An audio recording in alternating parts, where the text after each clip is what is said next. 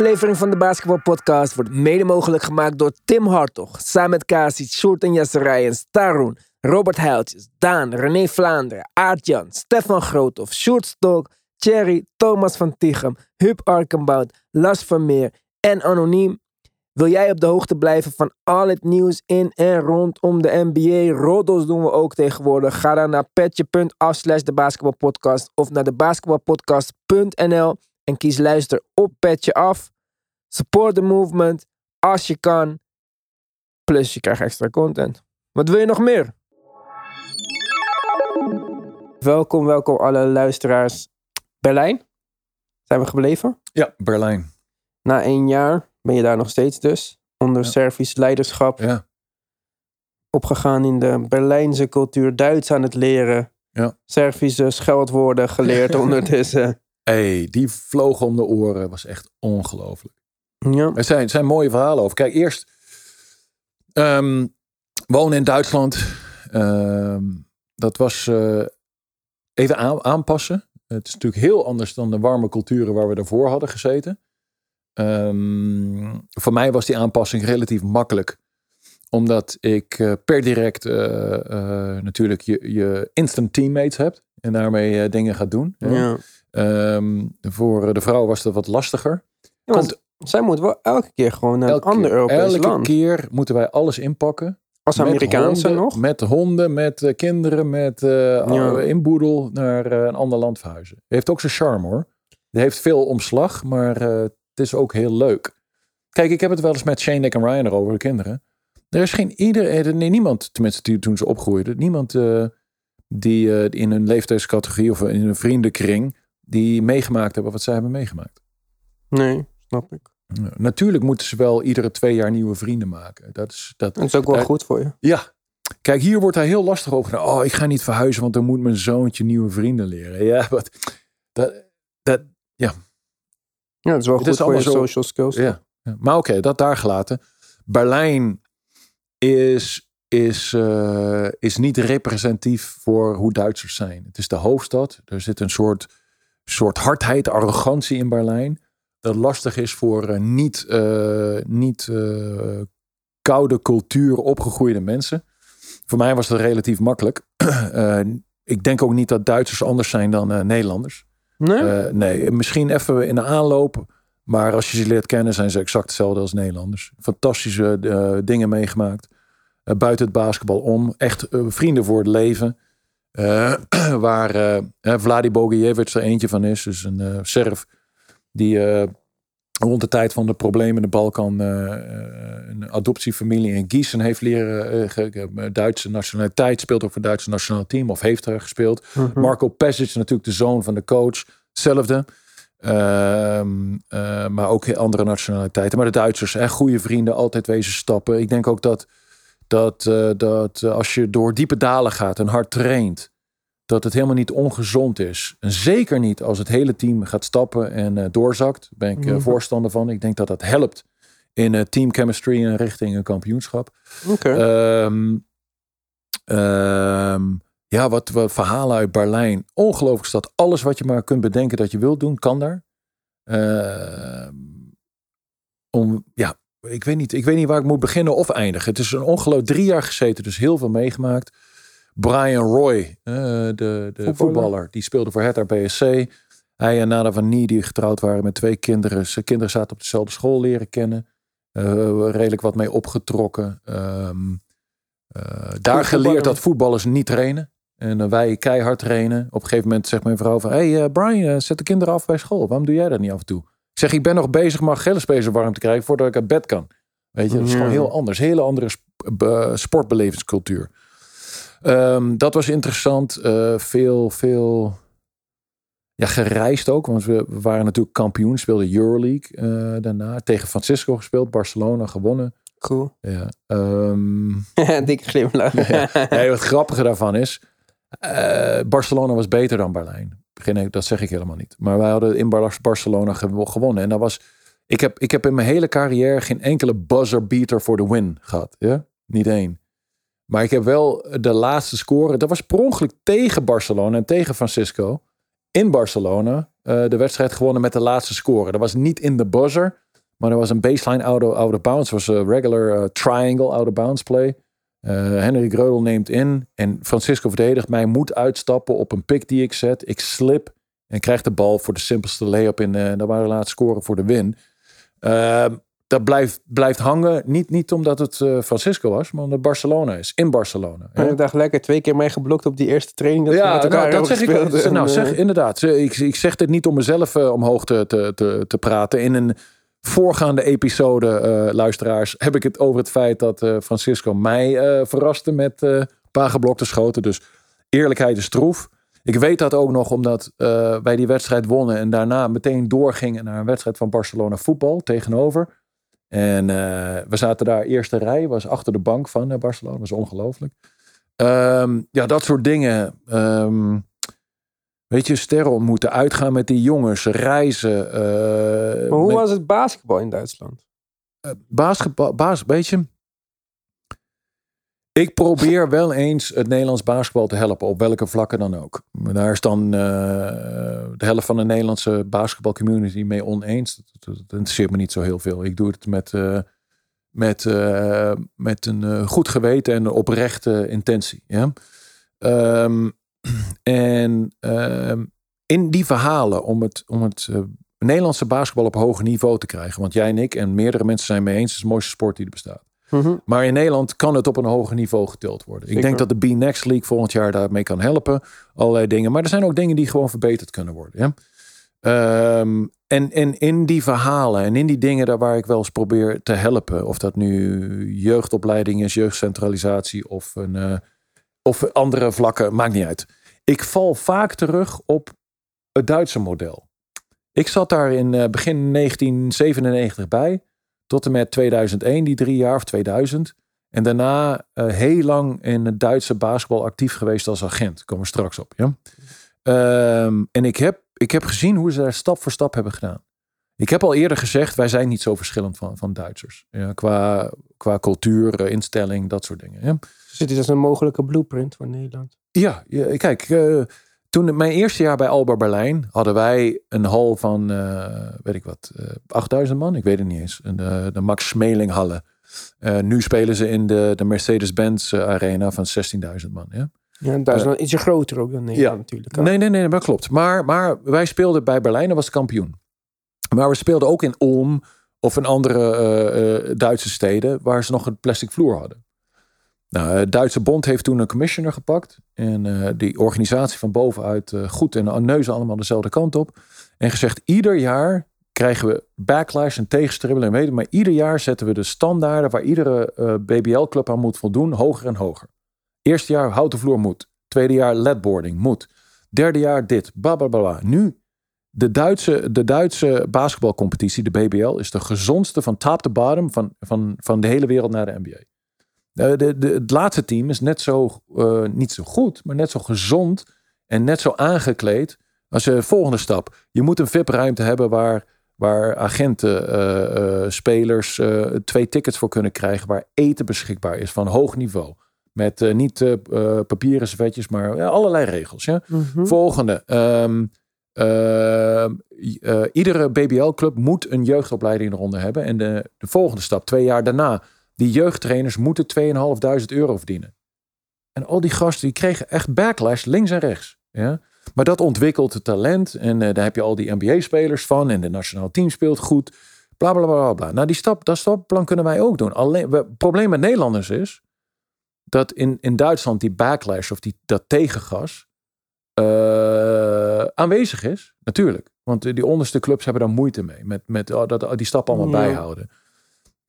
Maar die wordt, die wordt uh, door, door de gezamenlijke visie naar voren, wordt daarmee omgegaan en weg, niet weggedrukt, maar opgelost. Ja? In Nederland is de negativiteit uh, voor het boventoon. En dat Gek, is het hè? probleem. Ja, dat is heel raar. Ja, het is allemaal het zo raar. negatief. Ik heb dit uh, gemerkt sinds ik met de podcast ben begonnen. Oké. Okay. Basketbal voor mij positief. Ik mm -hmm. volg NBA. Ik weet oprecht niet zoveel van de Europese competitie in Nederland zo. Maar naarmate dat ik dieper in die Nederlandse basketbalwereld kwam, dacht ik, ja, jongens, jullie killen mijn vibe gewoon. Ja. Wat is hier aan de hand? Ja, het is met alles. Met iedere suggestie. Er is geen enkele suggestie die 100% waterdicht is en voor iedereen goed. En maar wat jij ook net zei, neuzen dezelfde kant op. Nou, in Nederland staat geen neus Nee, dezelfde nee, kant dat is op. een groot probleem. En, en, en je hebt, eh, nogmaals, eh, iedere beslissing die naar een doel toestreeft, die, in, die individuele beslissing, is niet voor iedereen even goed. Eh, bla, bla, maar Nederlands begint meteen erop. Maar voor mij is die beslissing heel erg. Ga niet doen. En die, die discussie domineert dan de, de, de Facebook-groepen. Waar ik gelukkig geen, eh, geen, geen lid van ben. Mhm. Ik wilde die, die negatieve azijnperserij wil ik helemaal niet meemaken. Ja, precies. Man. En, maar, maar die eilandjes die binnen het Nederlandse basketbal zitten, vooral van de negatieve kant, die, eh, die eh, domineren Twitter en eh, Facebook.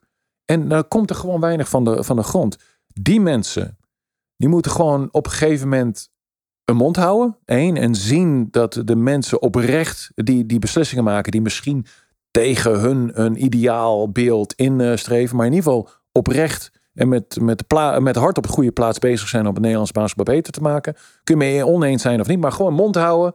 Eh, eh, zelfs als je het niet mee eens bent, positieve geluiden laten horen. En ze allemaal de neus dezelfde kant op en dan stapsgewijs maken we het beter. Maar in Nederland blijft het zo dat een negatieve geluid luider is, omdat die gasten ook niks te doen hebben. Die zitten de hele dag achter die computer negatief te zijn. En die gasten die de, wel eens, de mannen, vrouwen, die wel hun positieve schouders onder het project willen zetten. Ja, die hebben helemaal geen tijd om dat eh, de positief op eh, Facebook en Instagram en weet ik wat allemaal continu te weer, weerwoord te geven. Het Ja. domineert het negatieve. En dat is, dat is nooit goed. Ja, vind- ik vond dat ook echt werkelijk heel apart en eh, heel jammer. En daarom blijf ik eigenlijk ook, nou ja, met uitzondering dan nu van jou, aangezien je Leiden coacht. En Mhm. Worthy, die voor jou speelt. En Mo, die in Nederland speelde toen ik eh, met hem sprak voor de eerste keer. Ja, een beetje weg bij het Nederlands basketbal, man. Mhm. Ik kan me ik, dat eh, ook goed ik heb voorstellen. daar gewoon geen zin in. Kijk, en dan heb je de, de, het eh, tegenovergestelde 180 graden. Dat is de Amerikaanse cultuur. Ja. Daar wordt alle negativiteit wordt alleen op eh, eh, obscure websites besproken. Ja. Maar eh, door de league en door de mensen die ertoe doen. Is alles Disney? oh, Disney. Ja, Ja. precies. ja, dat is het tegenovergestelde. Maar kijk, het is maar wat je einddoel is. Als je einddoel is eh azijnpisserij, dan werkt dat wat we hier doen heel erg goed. Als je doel is zo, zoveel mogelijk goed talent te creëren en, en het basketbal populairder te maken, dan werkt dat Disney-verhaal. Nou, zal dat bij Disney-verhaal bij in Nederland nooit, nooit aarden. Maar eh, iets meer leunen richting positiviteit kan geen kwaad hier. Ja, en een frisse wind eh, lijkt Ja. mij een goed idee. Ja. eh. nieuwe ideeën. We hebben mooie steden in Nederland. Hè? Amsterdam, Rotterdam, wereldsteden. Leiden, fantastische stad. Groningen, fantastische stad. Maar weet je wat het probleem? Juist die grote steden, Amsterdam, Rotterdam tot op zedehoogte staat het wel goed hoor. Met, met het topsportcentrum en die hal Ja. staat het wel goed. En Amsterdam en Rotterdam Leiden, Topsport ook gestopt, hè? Of zoiets. is dat zo? Volgens mij wel. Maar de, de topstad, eh, eh, het centrum niet, de hal niet, de faciliteiten niet. Don't kan ik me niet voorstellen. Het zijn van- fantastische faciliteiten. Hele aardige mensen die daar werken. Ik heb daar eh, een paar keer getraind, of regelmatig getraind toen ik met Dordrecht coach was. Ehm, maar daar staan de faciliteiten wel. Maar ja, op de een of andere manier komt daar toch niet veel geld los in een wereldstad. Amsterdam komt helemaal geen geld los. Wereldstad. Nog gekker, ja. En eh, in Leiden heb je dan, eh, hè, waar wij, eh, waar wij daar staat een, een, een, hele gezonde, fam- familiaire, daarmee bedoel ik mensen, veel vrijwilligers die er veel tijd in steken. Echt een basketbalclub, vereniging. Ja, juist, vereniging, Ja. vereniging, juist, ja. Maar, maar degene die beslissen over de hal, die werken niet mee. Kijk, je zit, je zit hier nog steeds met een, met een soort... eh, eh, eh, dat is ook correct hoor, alleen het werkt topsport tegen.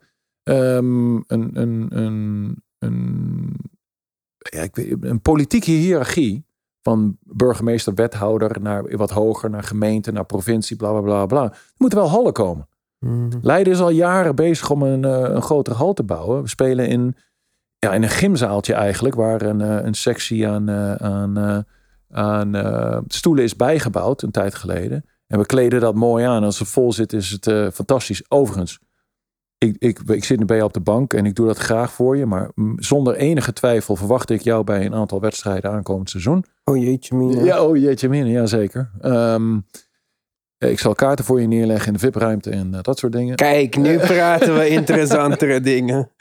Ehm, Is er een En- VIP-ruimte daar? ja, is een VIP-ruimte. Ja. Mag ik komen op mijn crocs en zo? Op, nee, van mij natuurlijk mag dat. Ja, ja. Geer Daming zijn kaart, ga naar een of andere guy met crocs aan die Ja, niemand nou, kent, je- omdat niemand weet hoe ik eruit zie. Eh, maakt niet uit. Eh, maar graag zelfs.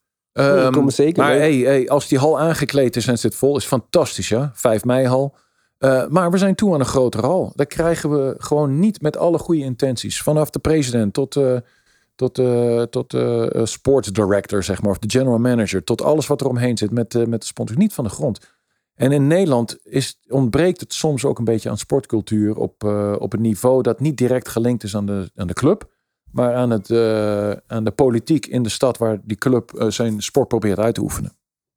Denk je echt dat daaraan ligt, aan de politiek? de Is, stad? it- nou, is, is, het is een probleem. Kijk, we hebben de negativiteit al aangekaart bij, eh, bij, eh, bij eh, ja, de, de eilandjes die binnen het Nederlandse basketbal bewegen. Mhm. We hebben aangekaart dat wij lang genoeg zijn. eh, misschien niet zo recht op de poten zoals Ja. Balkan. Maar, en misschien ook wat, wat een, een de, te, te softe samenleving te, te goed hebben. Maar allerlei dingen spelen mee. Het is niet één dingetje. En één ding is zeker ook de politiek. Die, eh, die, eh, die gewoon eh, niet het geld vrijmaakt om eh, topsport. In ieder geval basketbal. Ze schreeuwen allemaal topsport. En, oh, met, nee, schreeuwen allemaal breedte sport is heel belangrijk. Breedte sport. Hè? Mhm. Mensen van de straat halen. engaging. Ja, bla bla bla bla. Maar topsport is vaak stiefkindje. En zeker als het basketbal is. Ja, ik vind het heel zonde. Ik heb het al vaak gezegd. Ik denk dat er veel meer potentie is. En ik zal niet de naam noemen van de persoon die dit mij vertelt. Ik weet niet of dat eh openbare informatie is. Maar eh, ik zei tegen jou al. Basketbal is de tweede favoriete sport. Van Generation Z of X of Y. Ja. Weet ik veel, de jongste mensen in ieder Mhm. geval. Dus hun tweede favoriete sport is basketbal. Mhm. eh, grote. En, maar ja, die kijken natuurlijk allemaal naar Amerika. En daar is het heel anders. En dan gaan we in Nederland ook een beetje dat nadoen en zo. Mhm. En dat werkt dan ook niet. Ik heb dit ook al vaker besproken. Ja, ik, ja, nogmaals, ik vind het gewoon heel zonde. Ik denk dat er heel veel potentie is. Er is ook een heel groot gat in Nederland voor, voor sport, hè? Kijk, eh, voetbal is natuurlijk bij far de populairste sport in Nederland. Maar er hoeft ook maar een klein beetje succes erg te zijn. Of dat nou Formule 1 is, of darten, Mhm. of schaatsen, of wielrennen. Wat het ook maar is. Het boeit niet. En Nederland is enthousiast. Ja, het is eh, de Nederlandse sportsfan irrelevant hoeveel mensen er meedoen eh, globaal. aan Als er maar iemand goed is. als er maar een Nederlander goed is. Ja, Ja. Als er een Nederlander goed is, kijken we massaal naar schaatsen. Eh is irrelevant voor die Nederlandse kijker dat zodra je de grens overgaat bij Nijmegen, Duitsland, nog nooit iemand van schaatsen heeft gehoord. Of Ja. in Amerika aankomt, dan, nooit, dan wordt nooit over schaatsen gesproken. Maar zodra wij 22 medailles kunnen halen met schaatsen op een Olympische Spelen, gaan we massaal zitten kijken. Precies. Darten, exact hetzelfde. Eh, Oeh, ik bijna vloekwoordje. Ja. en, en, en, en ik wil even een, een, een, een zijtakje nemen. Het gaat mij niet om die individuele sporters. Natuurlijk werken zij hard en natuurlijk. Ja, eh, maar het is eh, als jij en ik en, eh, en een derde eh, persoon een nieuwe sport bedenken. Ik en die wordt eh, opgenomen in de Olympische Spelen. Garandeer ik je dat wij eh, goud, eh, zilver en brons verdienen met z'n drieën. Als we met z'n drieën dat doen. Mhm. Kijk, het feit dat hockey zo naar gekeken wordt, is korfbal. natuurlijk. Hey, ik heb het niet, luisteraars. Als je korfbalt of hockeyt, heb ik Ja, niet het is over niet jou persoonlijk. jou, hey, zo, doe je ding, dat is niet tegen jou. Ik zeg alleen, dat doet verder niemand aan mee. En, en weet je, voetbal, zwemmen, tennis, basketbal. Dat doet de hele wereld aan mee. Er is gewoon meer competitie, is wat, wat lastiger allemaal. Maar dat maakt kennelijk de, de Nederlandse tv-kijker, is, is, is hem dat irrelevant. Zolang een Nederlander in een sport een medaille kan halen waar verder niemand aan meedoet, vinden ze het hartstikke mooi. Ja, maar dan heb je toch nu een Nederlands basketbalteam. Wat Ja. gekwalificeerd is voor het EK. Ja. Mooie prestatie zou ik zeggen. Het is twee keer achter elkaar. Hè? En een best wel goede lichting qua Ja. spelers. Ja. Ik heb de meeste al in de podcast gehad. Maar eh, als je kijkt naar Charlon, Worthy, Mo. Ja, dat zijn toch allemaal spelers die, die wat eh, gedaan hebben. Mhm. En dan denk ik van ja, waarom niet een beetje meer enthousiasme? Maar als ik dan vraag waar kan ik het shirt kopen van het Nederlands team, Mhm. is niet te koop. Nee, bestaat niet? Nee. Ja. Ja, ik weet niet. eh, De, Ja, maar dat kan niet, nee, nee, nee, nee, ja, nee, ja. ja, ik weet niet wat ik daarop moet zeggen. Ehm, het, is, het is inderdaad zo. ehm, hè, je, je hebt nu een, eh, een, een betere balans in het Nederlands team dan, eh, dan een zeg 10, 20-tal jaar geleden. Waar eh, het gros van de grote mannen echt. waar, die speelden op hoger niveau. En Francisco hebben we benoemd. Mike Nahar speelde in het buitenland. Spanje toch? mm, In Duitsland, Griekenland, niet in Spanje geloof ik. Oh. Eh, Marcel Huibers hebben we besproken, die niet in het buitenland speelde, maar had het makkelijk gekund. Ja. Maar waren grote mannen. En, en, eh, en eh, de guards, die een, een, een guard links of rechts speelde wel tweede divisie Griekenland of in België of per ongeluk in Oostenrijk. Maar niet op de hoogste niveaus. Ja. Dat was een probleempje. Nu hebben wij guards op van 1, 2 tot en met 3. Die, die, die op het hoogste niveau spelen. Of niet hoogste niveaus, maar veel hoger spelen. Of hetzelfde hoge niveau als de big spelen. Dus er is meer balans in het team. Zoals Charlon Kloof ja. uit Turkije, ACB en nu... ik weet niet wanneer je dit uitzendt, maar ik weet niet of ik het nog mag zeggen. Maar volgend jaar speelt hij weer in het buitenland. ja. Ehm eh Yannick Franke, eh, eh, Duitsland gespeeld, Italië, in de Baltic gespeeld. Nou, Shane Hamming eh, in, in Spanje en België. Bekende naam. Een bekende naam. Hey, Kai van der Vuurs de Vries, 19 jaar oud. Speelt in Oostende en in, in de En dit is het Champions talent, hè? Een Hey, dat is groot talent, ja. Groot talent. En dan heb ik het over guards, hè. Dan heb ik het over guards. En natuurlijk mis ik er dan nog één en, en, en niet... eh, Je eigen speler mis je nu. Maar hoort hij? Nee, maar oké, maar ik heb het over. eh wordt hij super belangrijk, captain van het Nederlands team. Maar ik bedoelde juist. Internationale dus- ja, de, ja met, dat heeft wordt hij ook. Een jaartje Frankrijk gespeeld. Eh, maar dat is niet negatief richting Worthy. We waren op het hoofdstuk van de guards die internationaal spelen. Mhm. En die benoemde ik. Um, Worthy hoort er natuurlijk bij in belangrijkheid. Ehm, en Leon Williams ook. Eh, eh, twee jaar eh, Duitsland gespeeld en eh, een jaartje Spanje. Ehm, Klinkt Nederlands. Leon Williams? Ja. ja, is hij toch? Echt? Geboren en getogen, ja. Oh. Ik geloof vader is Amerikaan, maar dat weet ik niet helemaal zeker. Ehm, Ik ken eigenlijk alleen de leuke mensen eh, van, eh, van het Nederlands basketbal. nee, maar het hele Nederlandse basketbal eh, zit, zeker op het hoogste niveau, zit in elkaar van leuke mensen. Het, de, de leuke mensen zijn niet de negatievelingen, de azijnpissers waar we het over hebben. Sorry, de, wat zei ik, de leuke mensen? Ja, zo niet Ja, dat is recht evenredig. Ik bedoel de mensen aan de bovenkant. Mo, Worthy, Charlon. Dat- Die zitten aan de bovenkant van eh, die hiërarchische piramide in de Nederlandse basketbal. Hè. Hebben wat bereikt spelen in het Nederlands team. Eh, die coaches, eredivisie, zijn allemaal goede gasten. Leuk, voor en na de wedstrijden vaak leuke communicatie, wat wisselwerking. Dat is het probleem niet. Was Zij het dan ze- bestuur of zo? Nee, nee, nee, nee. Het zijn die gasten die niet op het hoogste niveau hebben. Die, die internet warriors. Dat, dat zijn de negatievelingen. Ja, En de maar wie leest die mensen dan? Ja.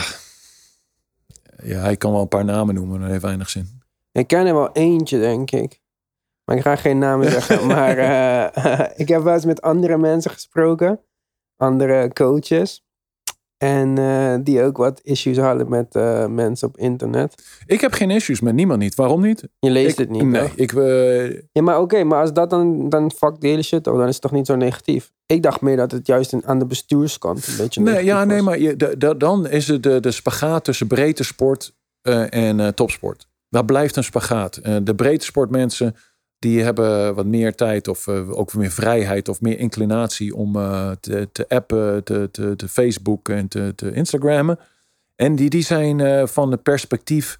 Hey, we moeten alle scholen, kinderen breedte sport. En dan komen er vanzelf talenten bovendrijven, bla bla bla bla. En je hebt dan vanuit topsportkant zeggen we moeten jeugd centraliseren. Daar, daar door die frictie komt meer glans. Als ze tegen elkaar trainen is meer frictie, komt meer glans. Dan heb je een goed Nederlands team. Daar, dat trickle down naar meer populariteit en meer. Het is een andere soort omgedraaide. Je kunt van beide het doen natuurlijk, maar er moet een beetje samenwerking komen. Maar die breedte sportmensen, één, daar zijn er veel meer van. Breedte sport, daar zijn er veel meer van. En eh, die zijn, dat zijn ook bestuursmensen. En daar, daar, daar, daar, daar, die dragen natuurlijk ook de hele sport. Die zijn heel belangrijk. Doen dat vrijwillig. Super belangrijk. Alleen, moeten van de, eh, van de negativiteit wegblijven. En zeker als ze negatieve gedachten hebben, van eh, social media wegblijven. Ja, kijk, dat social media weet ik echt niet, omdat ik daar niet Ja. in zit. Politieke gebeuren weet ik ook niet, omdat ik dat niet volg. Mhm. Maar als ik het als volledige buitenstaander, ik ben ook niet eh, aan geen enkele club verbonden Mhm. of wat voor dingen dan ook. Dan zou ik zeggen dat er een frisse wind nodig is en een nieuwe visie. En of dat nou een Duits model kopiëren is of, of een nieuwe weg vinden. Maar in ieder geval hoe het nu gaat, gaat het gewoon, zie ik het als een soort van kansloze missie. Mhm. Om de sport populairder te maken, dat ten eerste. En om dat gat te verkleinen tussen, het, ehm, tussen de populariteit van de Nederlandse basketbalfan als het gaat om NBA en Mhm. Nederlands basketbal. Dat is nogal een statement die je maakt, hè? Je, heb Ja, maar ik twee kan die dingen. statement maken. Ik zou het ook zeggen tegen degene van wie ik vind dat ze het fout doen. Ja, ja, nee, maar, goed, dat is het ding. Je maakt een statement. En dan laten we, want misschien heb je helemaal gelijk. Ik zeg alleen, je zegt eh, er moet een frisse wind komen, maar ik weet eigenlijk niet eh, waardoor, waardoor die frisse wind moet waaien, want ik weet niet hoe het in elkaar zit. Aan de andere kant Nee, zeg nee, maar kijk, qua, ik heb het niet over geld en politiek en Mhm. stadions. Want dat kan ik gewoon niet Ja. zeggen, want dat weet ik gewoon niet. Maar als ik kijk van hoe... eh, ik weet wel dat er een hoop mensen bezig zijn om die Nederlandse basketbalbeleving Mhm. aantrekkelijker te maken voor nieuw en jeugdig publiek. Dat is een invalshoek. Als je het populairder maakt en eh, wat beter aanpakt ik heb het qua alleen marketing. over populariteit. Ja, En, Als je het eh, populairder maakt, komt er automatisch meer geld los bij sponsoren. ja. Komt er meer geld in, eh, in, in het product. Kun je meer doen, kun je meer opleiden, kun je meer... eh, Oké, eh, dat is een invalshoek, ja. dat is, en dat is voor mij de meest logische invalshoek. Dan eerder geld uit de lucht toveren of mensen overtuigen Mhm. zonder dat er wat is. En ik denk gewoon dat dat op dit moment niet zo goed gaat in Nederland. En hoe maak je het Mijn populairder? mening, ja. Ja? Nou ja, ik denk, ik, heb, ik, heb, ik weet niet of we het al on-air hebben gezegd, maar ik heb het al vaker gezegd eh off-air. Ehm, ik denk dat je je eigen weg moet vinden. Hm. Nederland is, is een mooi land. Het is een breed land, cultureel gezien. En ook eh, met alle dingen die erbij horen. Maar En maak die vergelijking eens die jij off-air tegen mij zei met rap. ja, kijk, voor mij... Ik, ik ben 35, dus ik heb het begin meegemaakt van dat rap populair werd in Nederland. Mhm. En als ik zeg populair, bedoel ik echt mainstream populair. Mhm. Niet dat iemand een plaat had uit Amerika of Mhm. zo. En in het begin van de rap in Nederland probeerden ze Amerika na te doen. En ik hoef ook geen namen te noemen. Iedereen heeft zijn best gedaan. Iedereen heeft gedaan wat hij of zij op dat moment leuk vond. Of jullie of hen, of weet ik veel wat de fuck je tegen moet zeggen tegenwoordig. Maar dat lukte niet. Maar nu ga je iets kopiëren. Proberen te kopiëren. Maar ja, waarom, waarom moet ik naar jou kijken als ik gewoon naar Dr. Dre kan kijken? Bijvoorbeeld. Want dat Als het probeer jij hetzelfde na te doen. Ja, dus dan kan ik beter die Dr. Dre kijken die jij na probeert te doen, toch? En dat parallel is hetzelfde wat wij doen met basketbal, ja? Vind ik Mhm. gedeeltelijk. Doordat je in Nederland, je probeert sfeer te creëren. Op een Amerikaanse manier. Maar dan ga je cheerleaders nemen Ja. en eh, mascottes. Rot op met dat. Ik heb, dat. heb je ooit een mascotte gezien in Griekenland of Servië? Nee. Nee. Zitten stadions vol en leeft basketbal? Ja. Oké.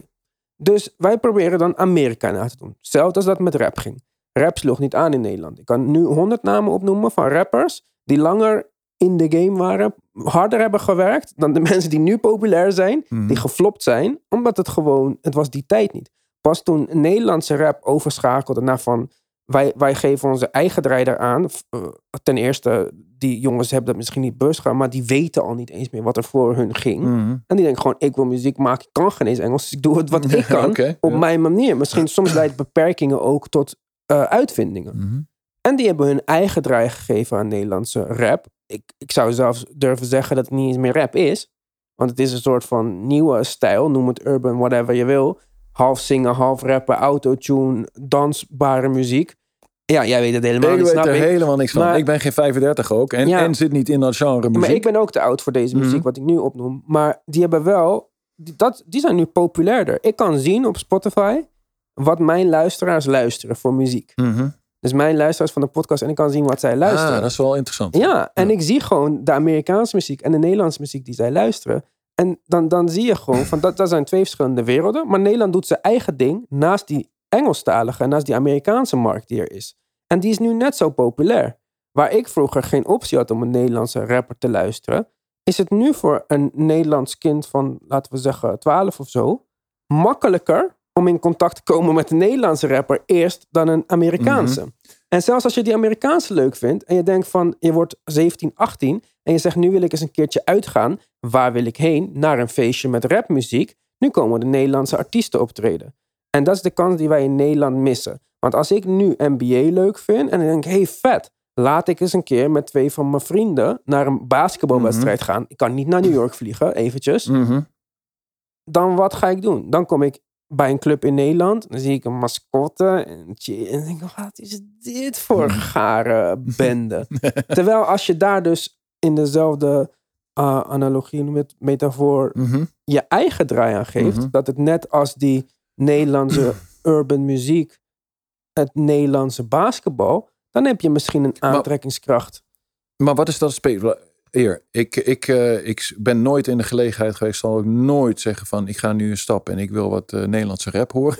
dat is een geintje. niet. Maar eh, ik zit niet in die muzieksfeer. maar en dat zijn die cultuur, maar dat is, dat Ja, nee, ongetwijfeld. Ehm, twee, ehm, wij hadden ehm, eh, nog geen tien minuten besproken dat we heel positief zouden doen. Ja, ja. wat is Nee, dit maar- voor een shit? Zeg. Ik nee, maar kijk. Nee, maar nee, dat is goed. Wacht, dat is een geintje, joh. Ja, ja. Twee. Wat is dan specifiek? Kijk, je refereert aan Griekenland en, eh, en, eh, en Servië met cheerleaders en uh, mascottes. maar dat hebben is, ze. ja, daar is cultuur anders. Ja, dat is cultuur anders dan onze. Maar hoe, hoe maken wij een basketbalwedstrijd eh, Nederland eigen? Nee, sorry, niet een basketbalwedstrijd. Het, het, de ervaring dat het gaan naar een Nederlandse DBL of nu B-Next eh, eh, wedstrijd eigen maakt. Wat maakt dat? Wat, kunnen we, wat is de Nederlandse sausje dat we daar overheen kunnen gooien? Dat het ons eigen maakt.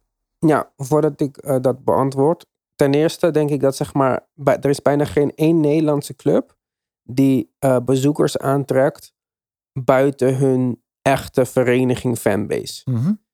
En als je dan kijkt, wat, wat is het. En regio. eh, Ja, regio. Ja, Maar dus welke, wat is het best bezochte team in Nederland? donor. Wat de fuck is daar te doen voor de rest? Ja, ja. Hey, positief, hé. Ja, maar helemaal niks.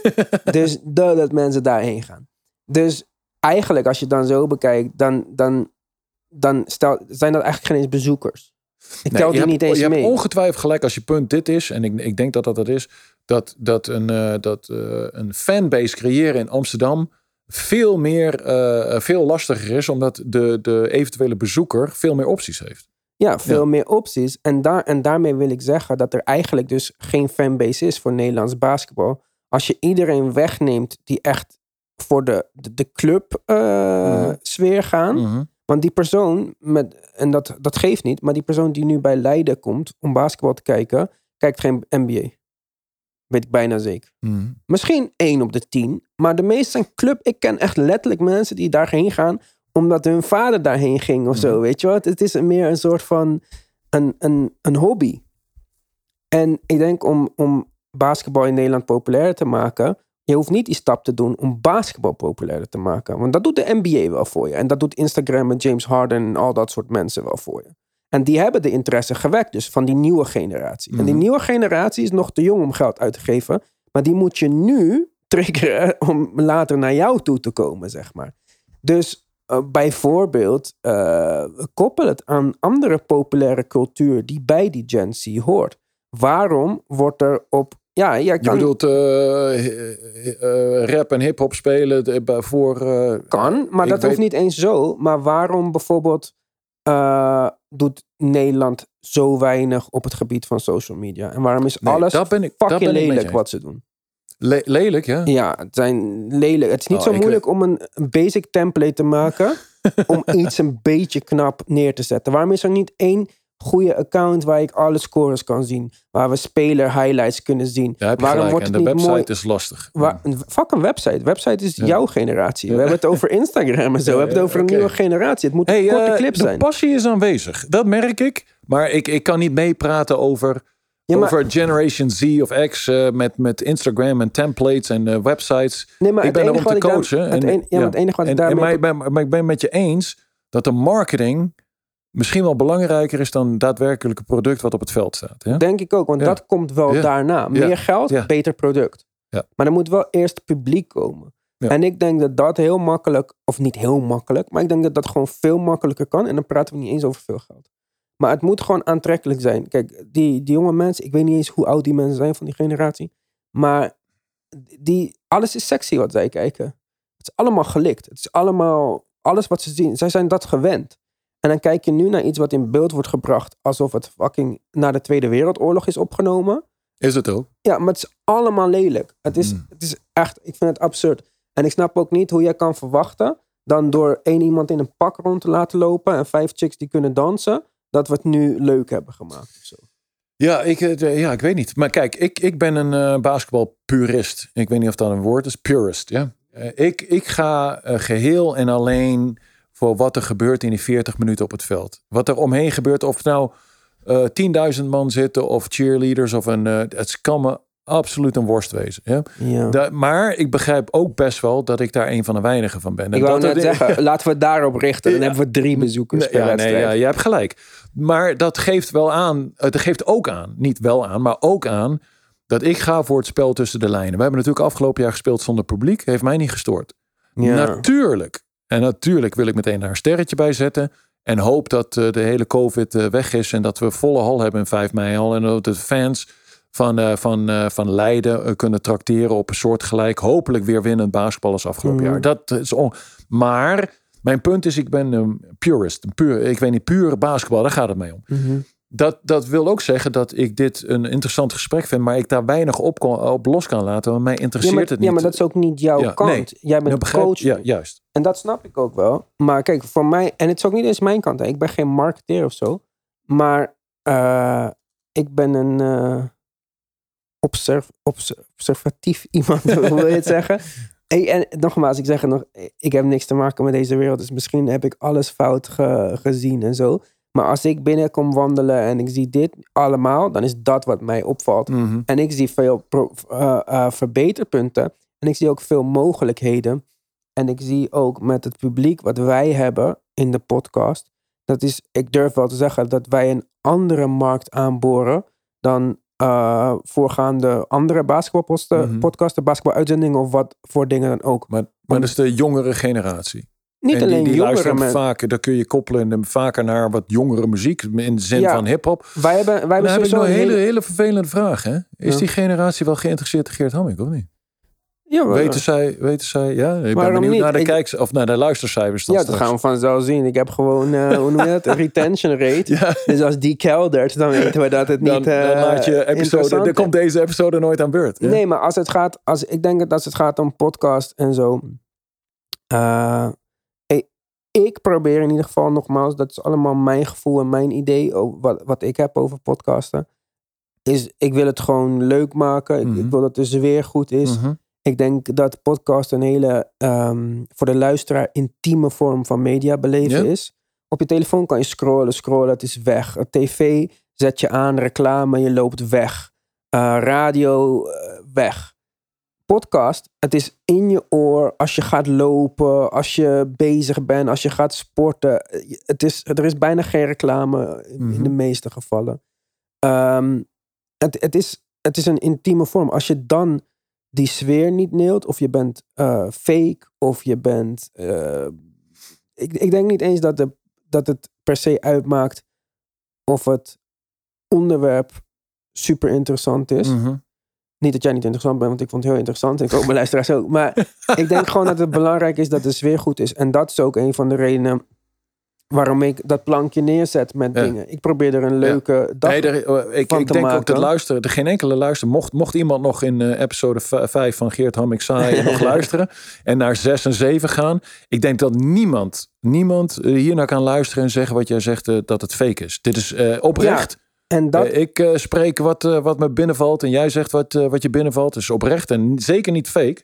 En ik hoop dat dat mensen aanspreekt. ja. Ja, maar en, en dat is mijn punt. Kijk, ik kan het ook doen zoals de normale media. En, en dan wil ik niemand eh bekritiseren of zo die zijn werk daarvan heeft gemaakt. Hoor. Want er zijn ook heel veel goede mensen en ik generaliseer heel erg. Maar ik vind dat niet boeiend. Mhm. Want dan, wat gaat iemand anders over jou leren wat ze nog niet weten? En ik zeg niet dat het bij iedereen acht uur moet zijn of zo. Maar voor iemand als jou, voor iemand als eh, Francisco, mhm. die eh, qua basketbal toch bovenaan de piramide staan, wat mij betreft. Omdat NBA voor ons allemaal nog steeds de, de piek is waar wij naar kijken. En jullie ook? zijn twee van de vier of vijf, wat het is, Mhm. die het gehaald hebben. Vijf volgens mij. Ik vergeet altijd Sven Nater. Ah ja, kom maar, die mag je ook vergeten. Echt? Ik dacht dat hij zo'n big deal was. Ja, Ik ken hem dus helemaal niet. Hè? ik, Maar ik elke keer vloekte dat er ook zomaar uit. Ja, dan mag je ook wel vergeten. Maar eh, Heeft hij was, niet een All-Star game gespeeld of maar zo? was, is hij in Nederland geboren en getogen? Nee, toch? Ik dacht van wel. Ja? Ja, nou, ik ga dat later googlen of zo. Maar eh, in ieder geval. Dus ik vind dat gewoon een boeiend verhaal. En in elk verhaal eh, zitten voor iedereen interessante dingetjes. Misschien zijn er ook mensen die denken van, nou, ik weet niet wie de fuck die Geert is, want het is zo lang geleden. Ja, kan. Hé, hey, wat grappig dat verhaal over zijn vrouw of zo, weet je wel? Of we zullen in aan, aankomende afleveringen nog over Shane hebben. Er zullen misschien mensen zijn die Shane kennen, maar jou Ja. niet kennen. Ja, ja, die denken, oh die shit, is dit gewoon de vader van die guy die voor mijn club speelt maar dan zijn ze al zeven uur in de po- podcast. Hè? Dan moeten ze een, een attention Ja, maar- span hebben van zeven uur om bij Shane te komen. Ja, maar het is niet zeven uur achter elkaar. Nee, en dat klopt, daarom zeg ik van, ik doe mijn best om die sfeer goed te maken. Om, Mhm. de, om, om echt een oprecht gesprek te hebben met iemand. En ik hoop dat dat zich ten alle tijde vertaalt naar interesse van de luisteraar. Nee, ik denk dat dat door eh, de, de, de koptelefoons of de, de microfoons of eh, als dat, mocht dat eh, bij beeldmateriaal bij dat dat eruit springt, oprechtheid. Ja? Dat is het. Ja. Is dat niet de, de, de, de, de succesformule van die top YouTube-channels? En wie, wie is er nou gegaan naar die podcast? Die, Joe die Rogan. Ja, dat is allemaal super oprecht wat hij zegt.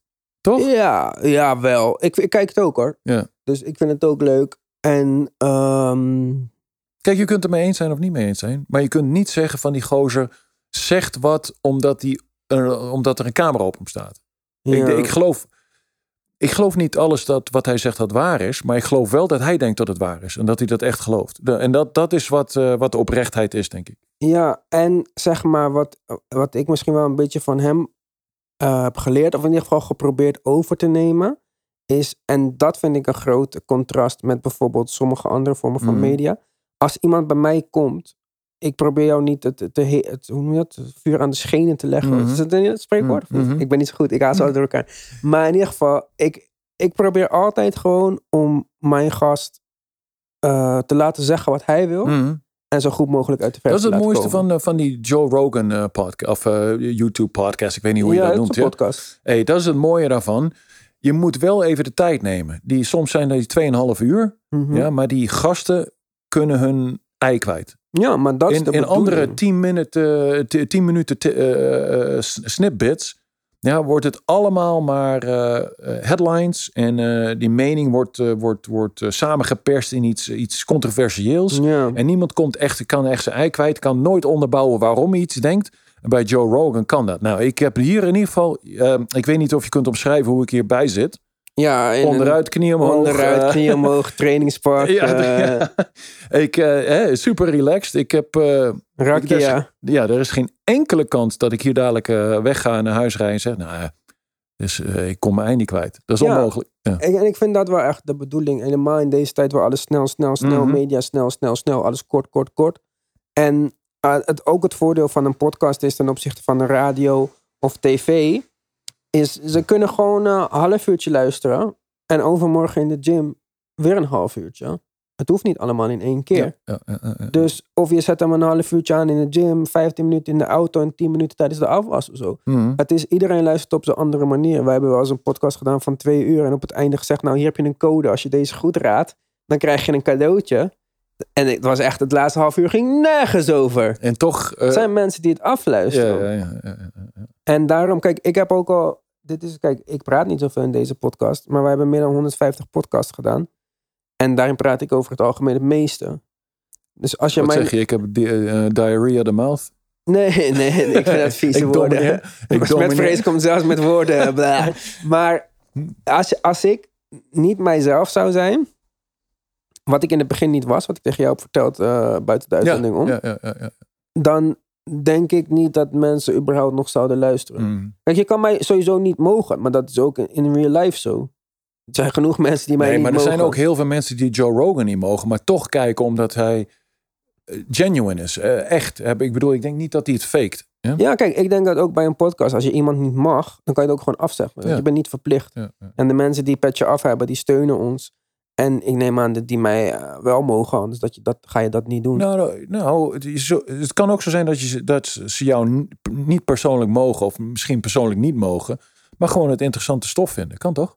Je hoeft Kan toch niet ook. iemand te mogen ja, maar om kijk, naar dit een is, een, podcast te luisteren. ja, maar dit is een ander soort uitzending. Hè? Want als ik eh, een normale uitzending ben ik misschien 60% van de tijd aan het woord. Daar wil ik nou terug. Jij zei dat net eerder al. Waarom heb je het idee dat, eh, dat eh, in deze bij mij je een stuk minder praat, komt dan dat ik zo uh, veel uh, zo nee, maar dit, gewoon, dit, dit, is niet een nieuwsuitzending of zo. Ik heb hier niks te vertellen, toch? Moet ik mensen gaan uitleggen hoe jouw tijd was in Duitsland? Wat de fuck heb ik daar aan? maar als wij, een, als wij een reguliere uitzending hebben en het gaat om een trade of zo, dan geef ik mijn mening. Oké.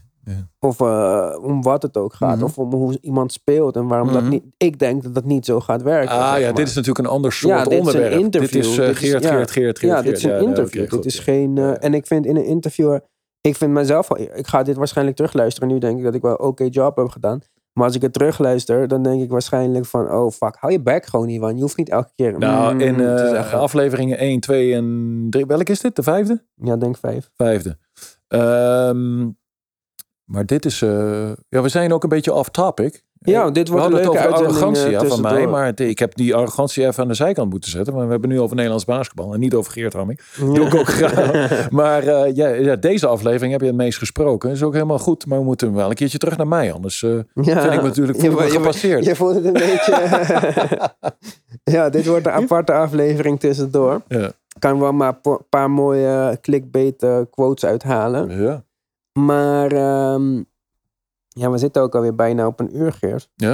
Ik denk dat dit echt een tussendoor aflevering is. Ja.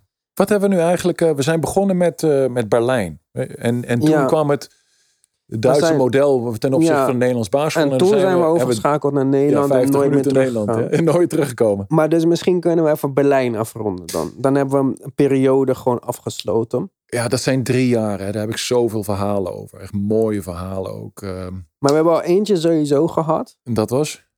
Nee, het eerste jaar hadden we al Oh nee, ik bedoel, ik dacht dat bedoelde een mooi, mooi verhaal. Eh, ja, goed. eh, Duitsers, ik, ik, ik mag het wel. Daar, daar- weet je, ik heb al verteld hoe, hoeveel plezier ik had, heb gehad in Griekenland. Ja, de cultuur, de warmte, bla bla bla. Oké, in Duitsland is die warmte iets minder. Zeker in Berlijn. Maar ik denk in, in de rest van Duitsland dat het veel meer zo is dan in Berlijn. Berlijn is iets kouder dan, eh, dan de rest van Duitsland. Qua, qua menselijke eh, interactie bedoel ik, ja. Maar eh, daar is wel alles perfect geregeld. Waar je komt in Duitsland, een contract, alles wordt betaald. Ja, en ten opzichte van Griekenland, ja. Ja. Hallen, alles.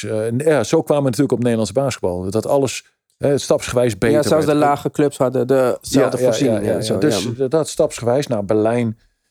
Hey, drie keer kampioen, drie keer Duits kampioen, een beker gewonnen, Europa eh, Cup, eh, sorry, eh, Euroleague halve finale of Euro, Euro Cup halve finale, ik weet niet eens meer. Want die namen veranderden iedere keer, of iedere keer, iedere vijf, zes jaar. Nu is dat al een hele tijd stabiel. Van, die, van die internationale leagues veranderden. Ehm, fantastische tijd zal ik nooit vergeten. Fantastische stad. Ehm, ik weet nog in jaar twee, laat in jaar twee, werd ik uitgenodigd voor een interview, eh, tv-interview live op tv. Er werd gesuggereerd dat ik het maar gewoon op Duits moest proberen. ik zo, wauw, dat was een struggle, maar ging goed. Toen heb ik, vanaf dat moment heb ik eh, geprobeerd ook zoveel mogelijk Duits te spreken. Binnen het basketbal gaat dat niet, gewoon is alles Engels. Mhm. Ehm, maar als ik dan met Jurk Lutke of, eh, of Henrik Reudel alleen was, we proberen maar meer Duits te spreken. Eh, dat is me goed, goed bevallen. Ik heb daarna natuurlijk nog, nog, ehm, nog twee jaar in Griekenland gespeeld. Tussen Berlijn en Keulen. Dan toen twee jaar terug in Keulen gekomen. Eh, daar mijn Duits geper- geperfectioneerd. Ik denk dat taal en communicatie belangrijk is. Eh, daar, daar heb ik meegenomen uit, uit eh, mijn Duitse eh, eh, eh, gedeelte van mijn carrière. In ieder geval de taal en de vriendschappen was echt fantastisch. En ehm, ja goed, eh, laat ik nog één bruggetje maken dan naar de volgende aflevering. Mhm. De Jugo coaches, daar kan ik. En de Jugo interactie, ach, daar heb ik verhalen over. Joh. Het was zo dat eh, op een gegeven moment leer je die, die vloekwoorden kennen, ja, allemaal. En, Ja. eh, en Passage, zijn Engels was niet al te best. Coach Passage. Marco Passage, de zoon wel. Maar Svetislav Passage, de coach, niet zo. Hij sprak, en zijn Duits was ook niet perfect. Maar we hadden een, een, een vertaler, een, een translator. Eh, die alles eh, naar het Engels vertaalde voor de Amerikanen en de buitenlanders. Ehm, maar als hij verviel in boosheid, en dan was hij iedere dag eh, echt pist, Passage, viel hij natuurlijk in de vloekwoorden in zijn moedertaal. Mhm. En nou, dat was iedere dag. Iedere dag werd de assistentcoach, een Duitser, echt helemaal volgescholden. Ik zei, wat de hel, wat, wat gebeurt? Wat dit, gebeurt ja, maar, dan, maar, maar ook lang. Niet eh, tien seconden, maar gewoon tien minuten achter elkaar. Bla, bla, bla, bla, bla. En op een gegeven moment was het zo... ehm, ik weet niet wanneer dat was in het drie jaar. In, in, de, in de drie jaar. Ehm, kreeg hij het aan zijn stok met zijn eigen zoon. En dat, dat, is, dat was een mooi verhaal. Hoe, hoe, hoe gevloekt wordt. En hoe, integreer, hoe geïntegreerd de vloekwoorden zijn in de normale taalgebruik in, eh, in daar. Daar, daar in het, uh, in het midden-zuiden. Um, hij kreeg er een stok met zijn eigen zoon. En de vloekwoorden vlogen terug, heen en terug. Maar op een gegeven moment krijgt pa natuurlijk de overhand. En begint uit te schelden. En uh, die, die vloekwoorden die hij gebruikte met betrekking tot uh, zijn moeder. Bla bla bla bla. Ja. Je, bla dit en bla bla.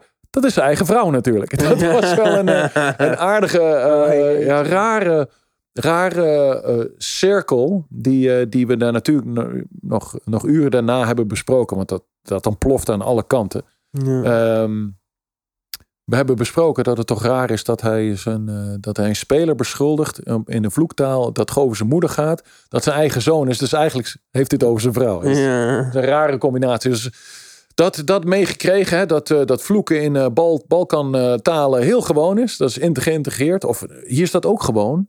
Maar daar is het, ik weet nog, weet die gozer die Detroit speelde. En toen, Milicic. Ja, Milicic. Uh, die, uh, die toen uh, Europese kampioenschappen speelde en niet eens was met de scheidsrechter. Dat interview. Poh. Heb je dat wel eens gezien? Nee, ik denk het niet. Wat? Nee? Ja, misschien wel, misschien niet. Boyan alweer als hij hey, Dat is een beroemd interview. Want hij speelde toen nog in de NBA.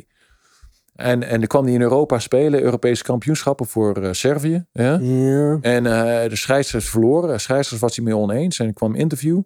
En hij, hij begint zijn vloektirade van van 10 minuten. Ja, echt ongelooflijk. Maar echt. Hij is sowieso helemaal gek. Nee, maar helemaal gek. Dat hebben ze toen vertaald. En ook in het Engels. Daar is hij door beboet. Hij is daar boete van de NBA voor gekregen.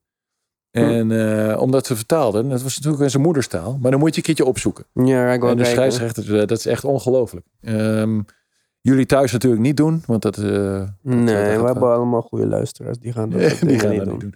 Nee, maar hele mooie tijd. Uh, dat was mijn eerste ja, drie jaar contact met, uh, met, uh, met, uh, met Hugo. En dat is het bruggetje waar ik naartoe wilde. maar ook spelers. Uh, Sasha Obradovic was, was, was natuurlijk voordat, voordat ik daar kwam, was hij de point guard daar. Ik heb later in Keulen met Sasha Obradovic gespeeld. Maar ook uh, Alabegovic, anderen. maar ook Nakic en en, uh, en, en de, de genaturaliseerde in uh, Bogijevic en Pesic. En, uh, maar hier wil ik naartoe. De loyaliteit ehm, is hoog binnen die, die, ja. die Balkan society, basketbal society. Ja, Wat ja. toen gebeurde, ik was weg uit Berlijn. En ik teken in het volgende jaar, en dat gaan we het in de volgende, volgende episode over hebben, bij AEK Athene. Coach Dusan Ivkovic. Ja, die is heel bekend. Die is heel bekend. Maar blijkt dus, als je één keer in die Jugo-cirkel zit, mm -hmm. ja, dan blijf je daar ook lang zitten. Want uh, ze bellen elkaar. Ze, ze hebben het over de spelers die ze in hun team hebben gehad. Dan Mhm. blijf je dan ook zitten. Nou, Pesic was mijn eerste. Ik heb er daarna nog uh, vier, vijf gehad. En dat, uh, dat bleef zo. Nou, Dusan Ivkovic, dat is poh, misschien de beste coach waar ik ooit voor heb gespeeld. En dat is niet negatief gesproken over Pesic. Uh, is ook Hall of Fame. Dusko, Dusko, Dusan Ivkovic. Po, po, po, Duda. Ongelooflijk. Daar gaan we het over hebben. Bruggetje. Bruggetje tot de volgende aflevering. Ja, Geert, volgende bedankt. aflevering. Alsjeblieft. In ieder geval voor vandaag. En uh, ik zie jou van de week weer dan. Ja, dan gaan we nummer 6, 7, 8, 9, 10 opnemen. Jeetje mina man. Oké, okay, doen we.